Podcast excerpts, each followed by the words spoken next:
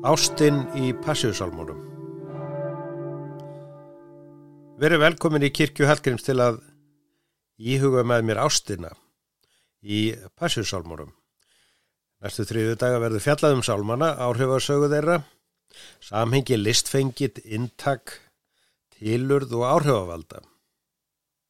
Ástinn er frum þáttur allra manna og hjá mörgum blossar ástartarfin upp þegar aðkreppir og allar kundagsvenjur brotna og augn og sálarskílur eru dregnar burt.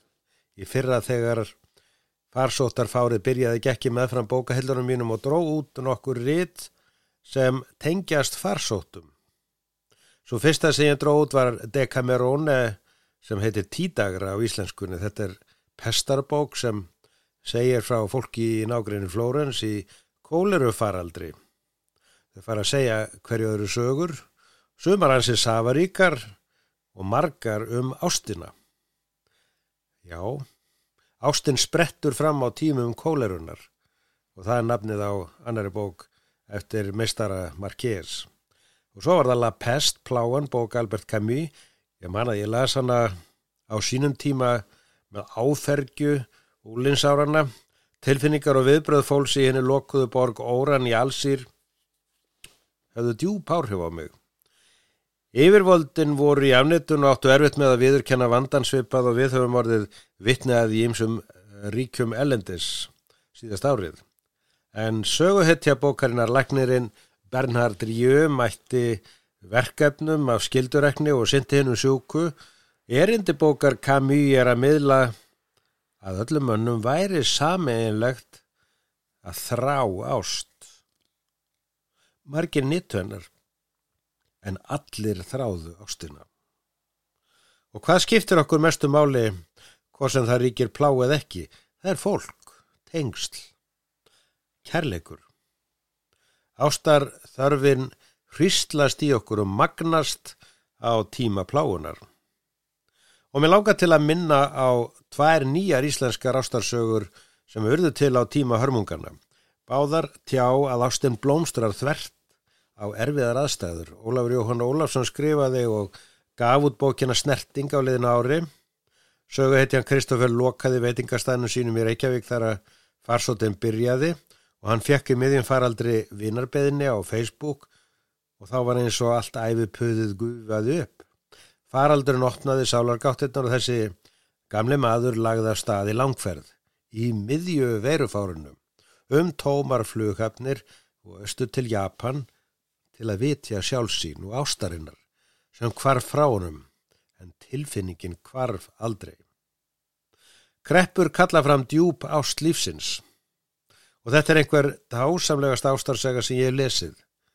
Pestin hindrar ekki ástina heldur magnar og að því allt skjelfur og hristist þessa dagan er full ástæða til að minna á eina mögnuðu sögu Sigriðar Hagalin Björnstóttur eldarnir, ástin og aðrar hamfarir.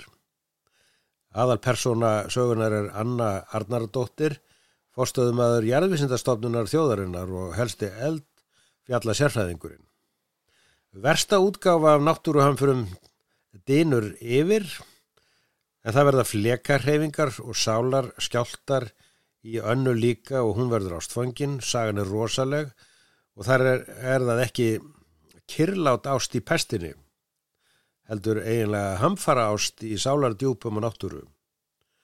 Og kannski er það svo að ástin hittir fólk með meiri þunga en jarðskjáltar hversu stóru öflugir sem þeir eru. Allir þarnast ástar, en stundur leiður hún til dauða því að samhengið er ekki virt og Hamfæratnir eru of rosalegar og ég vona að ég spill ekki um of fyrir ykkur sem eigið eftir að lesa bókina. En bítlarnir sungu All You Need Is Love og það er söngur kristnina líka. Og þá að ástinni í Passjúsálmum og fyrsta spurning er af hverju urðu Passjúsálmatnir vinsæleir á Íslandi? Af hverju var sapn af sálmum, metsölubók og met lestrarbók Íslands í mörg hundruð ár. Er eitthvað í passjúsálmónu sem er mikilvægt og síkilt? Og hvernig var saga höfundarins? Við vitum að Hallgrímur var mikil smetin og jæfnvel elskaður af formaðurum og forfæðurum okkar. Af hverju? Margt kom til skaldskapurinn vissulega en líka maðurinn og æfi hans. Hann var hæfileikastrákur sem þó fór í hundara. Hann týndist, þó ekki alveg bölvandi og ragnandi gluksta heldur reysu upp og nýtti alla hæfileika sína.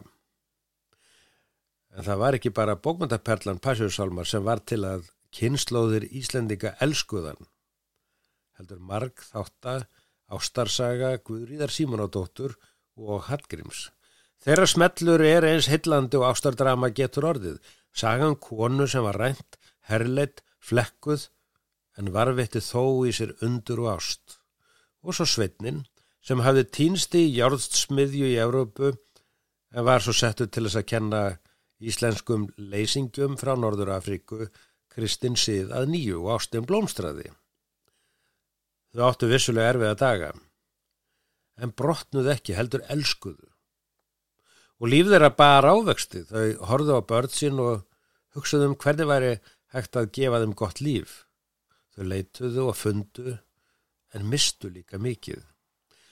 Þessi ástarsaga varð eiginlega hjarteinasaga á eftir katholkun tíma um hvernig dillingar verða til, hvernig þeir elska þrátt fyrir hattur, lifa í reist, þrátt fyrir mótlæti, þroskuðu andlegt heilbriði, þrátt fyrir hræðileg veikindi og síndu andlegan styrk, þrátt fyrir holdsveiki. Þetta er stór og heillandi ástarsaga og klassik. Ástarsaga Guðriðar og Hallgríms er gluggi að safaríkum lífsdómi Passjúsólmara. Í þeim er sögð tilfinningarsaga, lífsvísdómur. Það er uppteknuð mynd af Guði umhyggjunar en ekki reyðum Guði, Guð sem kemur en er ekki bara fastur á tróni fjallags hímins, Guð sem líknar og er vínur en ekki óvinnur og passjúsálmatnir urðu Guðspjall Íslands. Sálmatnir uppfylltu andlegar þarfir og svo var bókin lögð á brjóst látina eins og vegabref fyrir himminliðið. Ný viðmið hafa orðið til. Einstaklingarnir eru berskjaldaðri en áður var. Stopnarnir hafa riðlast og virðing þeirra hefur minkað eða vekklast. Fólk leitar ekki lengur að stopnur heldur reynslu sem nærir og svarar kærleiks þarf fólks. Og bakvið Passjúsálma er merkileg ástarsaga um Hallgrím og Guðriði en á bakvið þau og okkur öll er ástarsaga Guðs. Guðsorðabækur voru aðal útgáfefni íslenskra forleggjara fram yfir aldamóti 1900. Útgáfa þessara rita var svo mikil að spaugarætni töldu að ef bókunum væri ræða saman væri hægt að byggja brú frá jörðinni og allarleið til tungsins og tilbaka. Bækurnar sem voru gefnar út voru hugveikjubækur og kristileg ræðusöfn tilstyrtar trúariðkun á heimilum og til nota í kirkjum og heimahúsum. Þetta voru samfélagsmiðlar, þeir eru tíðar. En af öllum bókum sem að gefnar voru út eftir siðbótartíman voru tvær bækur sem eru sérflokki þeirra sem lesnar voru. Það eru Passjúsálmar Hallgríms, Péturssonar og Postilla Jóns Vítalins. Þær voru elskaðar og dáðar. Passjúsálmarnir voru fyrst útgefnir árið 1666 og Vítalins Postilla var gefin út 1718 til 20. Síðan voru þær báðar gefnar út í mörgum upplögum. Og aðeins um skáldið. Hallgrími Pétursson fættist árið 1614 í Gröf á Höðaströnd í Skagafyrði.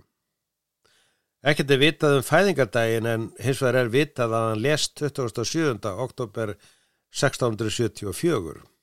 Líf hans var ævinterilegra en flestra Íslendinga, hann misti ungur móður sína og fluttist til hóla með föður sínum og fjölskyldu.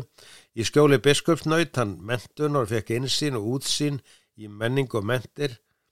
Þótti, hann þótti bráðger og hæfileikaríkur og ymsa litrikar sögur eru til af honum og að hann var ljóðrætt orðhákur sem leta orða hrísið yfir þorsbúana á hólum.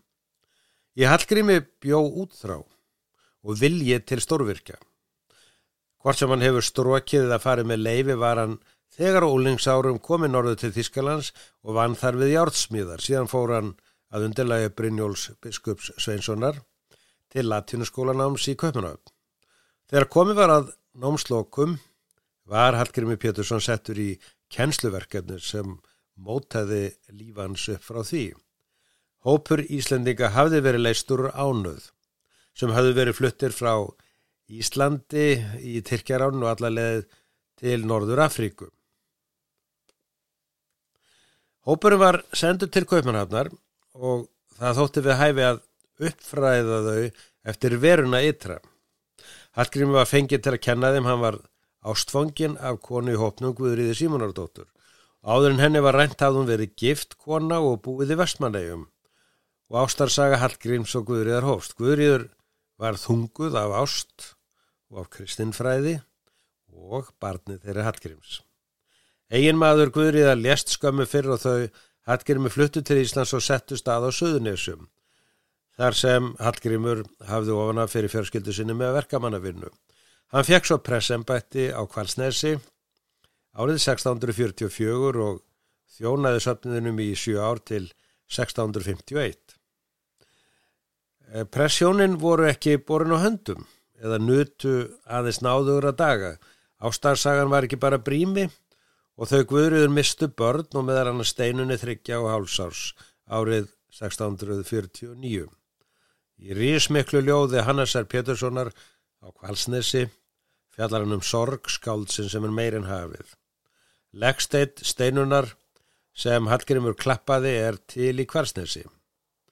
Hallgrimur Guðriður og þeirra fólk fluttu árið 1651 í Sörbæ á Kvalfjaraströnd en sumar búða paradísins vatnaskórir í landi Sörbæjar. Þau byggu við Kvalfjörðin allt til döðadags og þar urðu passjósálbandi líklega til og allavega voru þeir full mótaðir þar. Hvað eru passjósálmar?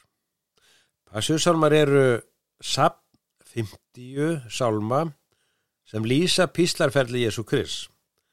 Aðal personin er lýst með tvenn og mjög ólíkum óti annars vegar er dregin upp mynd af Jésu Kristi sem híminnkonungi í heimi þegnar sinna og hins vegar er hann í hlutverki mennsks fulltrúa mannkins sem lætur yfir sig ganga ílsku þessa heims í öllum og átakanlegum útgáfum. Þessar andkverfur, háttegnar og þjáningar fléttar Hallgrímur Pétursson saman í eitt. Jésús Kristur Passjúsálmanna er líðandi konungur. Þar með er sprengt annars vegar konungsmyndin og hins vegar svo mannhugsun að menn séu ofurseldir vonlösi þjáningu og dauða, mál hímins og heims eru eitt, fléttu saman. Löst alls vanda heimsis á rætur í þeirri ástkvöðu sem lætur sér ekki að standa á sama um kjör og velferð manna og heims. Konungur heimins kemur að því að hann lætur sér and um heiminn og gengur síðan krossferilinn allt til enda. Þar sem hann er fulltrúum manna leiðir hann mannkinn til Guðs. Jésús gengur inn í allan vanda manna en stennst. Í því verður hann fyrirmynd sem hann geta séð sig í. Öllum sem eru niðurþryktir og brotnir verður Jésús sem ímynd, vonar og kvartningar til að gefast ekki upp í baróttu lífsins. Hann verður daglegu styrkur á vegi trúarinnar. Sálmannir voru hugsaðir sem föstursálmar til lestus og íhugunar á föstunni fyrir páskan. Í norður euróskri trúarhefð frá dögu Martins Lúters var lögð áhersla á sístæða endurníjun innri manns og svo yðja var kallað daglegt afturkvarf og í því fælst að menn gerir rekniskil við Guð, náungan og sjálfa sig á hverjum degi. Lífið er ferli og sífælt þarf að skoða hvað má bæta eða batna og hvernig megi lifa í sátt við Guð og menn. Sálmónu var ætlað að ebla íhugun og verða fólki til endurníunar, trúar og hvetja til betra lífs. Hallgrímur höfundur Passjósálmanu vildi að þau sem að læsusálmana næða að fylgja sögutræði og draga lærdóm af píslarsögu Jésu. Sálmannir hvetja lesendur til að fylgja Jésu eftir.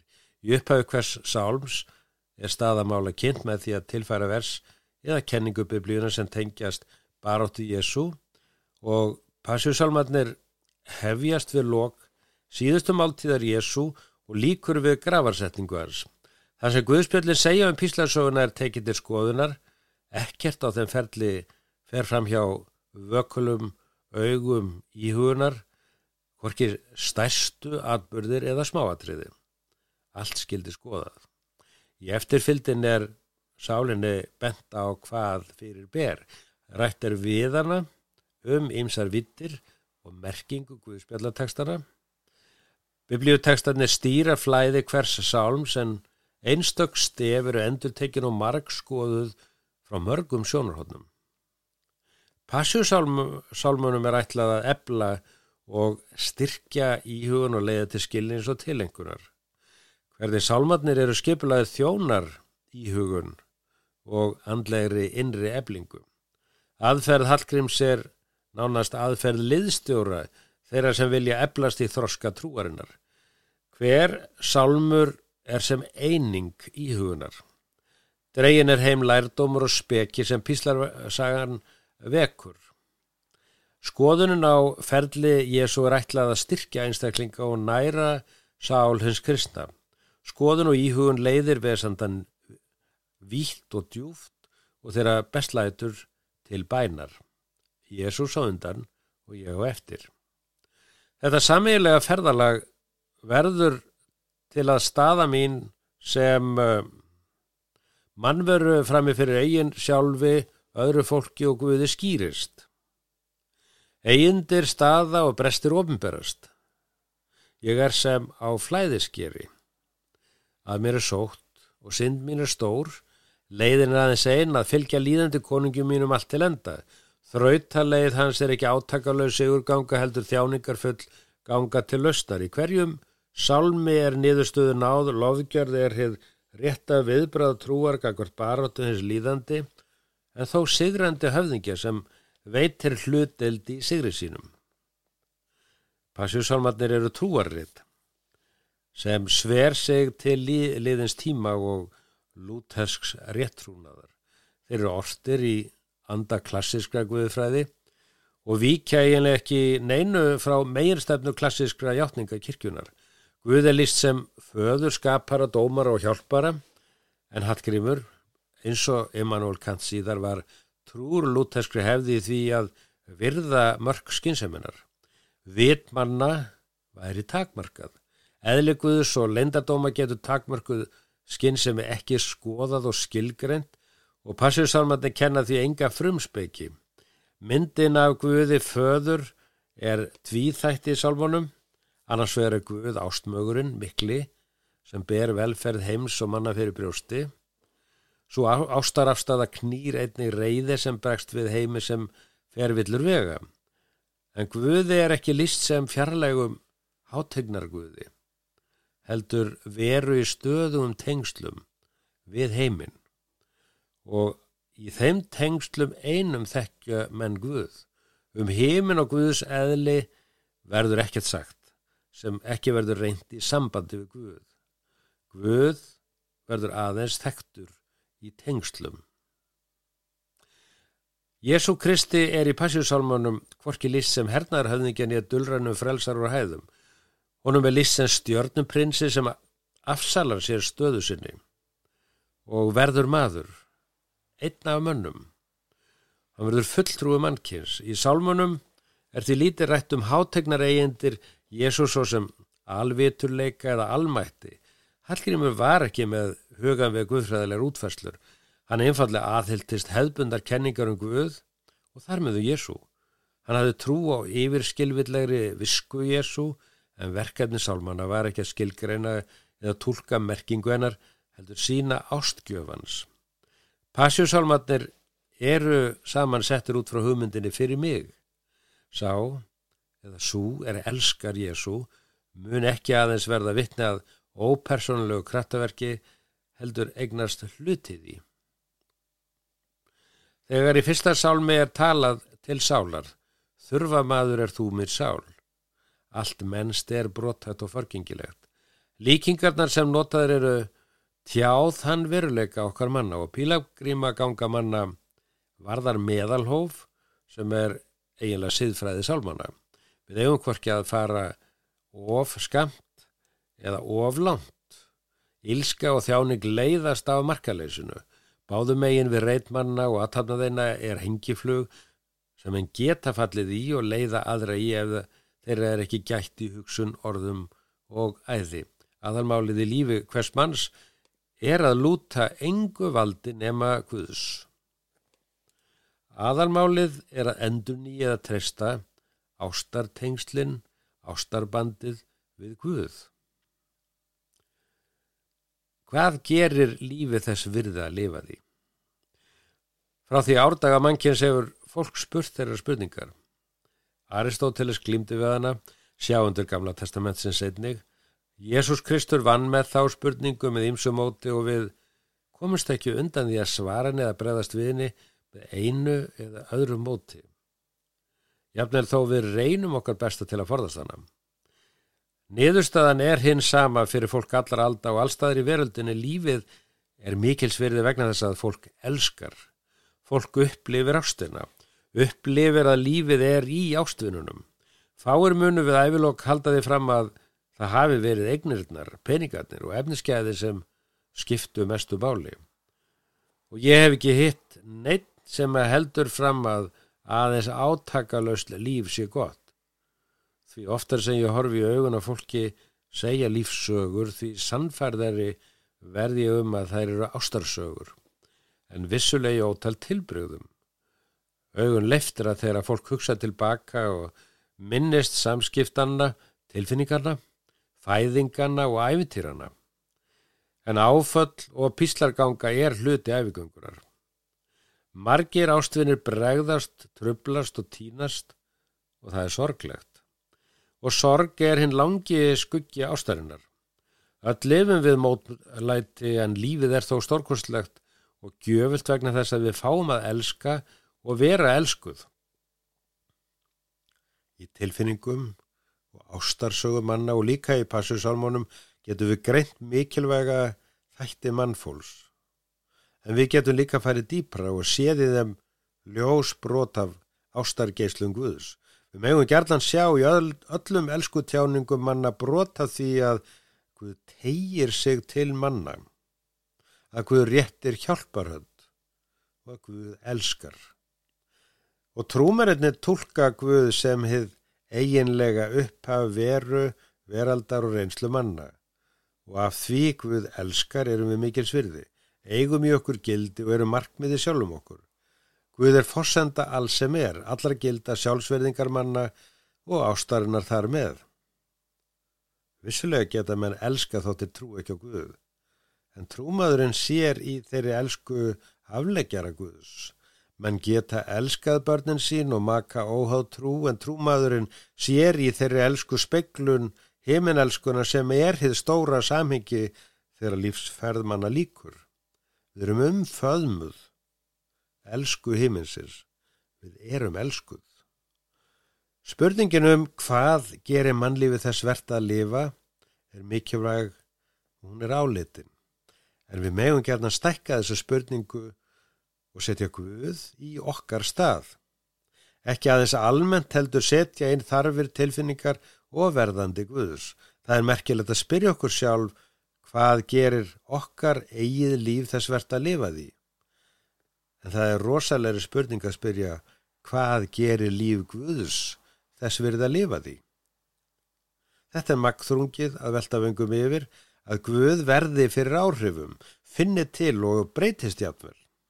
Ef við reynum að ímynda okkur mannlegar vittir í Guðin náum við játvel að tengja betur við sögu okkar manna, sjálf okkur og furður lífsokkar. Kristnir menn hafa í 2000 ár grublað í af hverju Guð hafi orðið maður, af hverju sá Guð ástæðu til þess að stíga inn í rugglingslegan heim tíma og efnis, af hverju kemur hið stóra inn í smáheimin, af hverju steðjar máttarvald alheimsins inn í kima þessarar vetrarbröðar. Ég tek marka á heimsbyggi greiningu upplýsingartímans og telkvorki nýja trú að við trúi að við menn getum skilgreint veru eða eðli Guðs. Við höfum ekki nema brott kenda skinnjun og túrkunar getur varðandi hvað Guð er og það þýðir að við getum og megnum ekki að smíða frunnsbyggi kenningar og Guð. Hins vegar er ekkert sem bannar okkur að reyna tjá afstöðu og innri skilning og trúar skoðun eða tilfinningu, svo tjáning er aðeins bæn eða ástarjátning og þannig orti hattgriðumur um ástina í veröldinni. Lífið er flókið en ástin er hrein.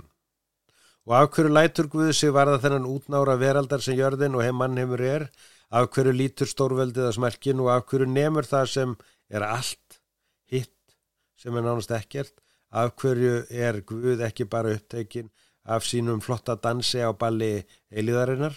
Af hverju tekur Guð eftir þér í þínum aðstæðum? Heyrir í þér? Ber þig á örmum sér, finnur til með veikum frumðinum, fagnar með þér þegar að gleðin hríslast um þig, líður með þér ángist þína og vitjar þín, kemur til þín þar sem þú ert komin í strand í öngstræti á enda. Það er vegna þess að Guð elskar. Ástinn lokar aldrei heldur opnar út, hrýfst, leitar tengsla viðfangs, faðumlags, Guð er vanur að elska í fjölbreytni, samfélags Guðdómsins. Guð leitar út í ástalífi sínu, er aldrei innilokaður og sjálfkverfur, heldur ríkur og fangu víður. Þannig er Guð ástarinnar og sagan af Guði er fyrst og síðast ástarsaga og þannig ástarverk eru passjúsalmarnir. Takk fyrir.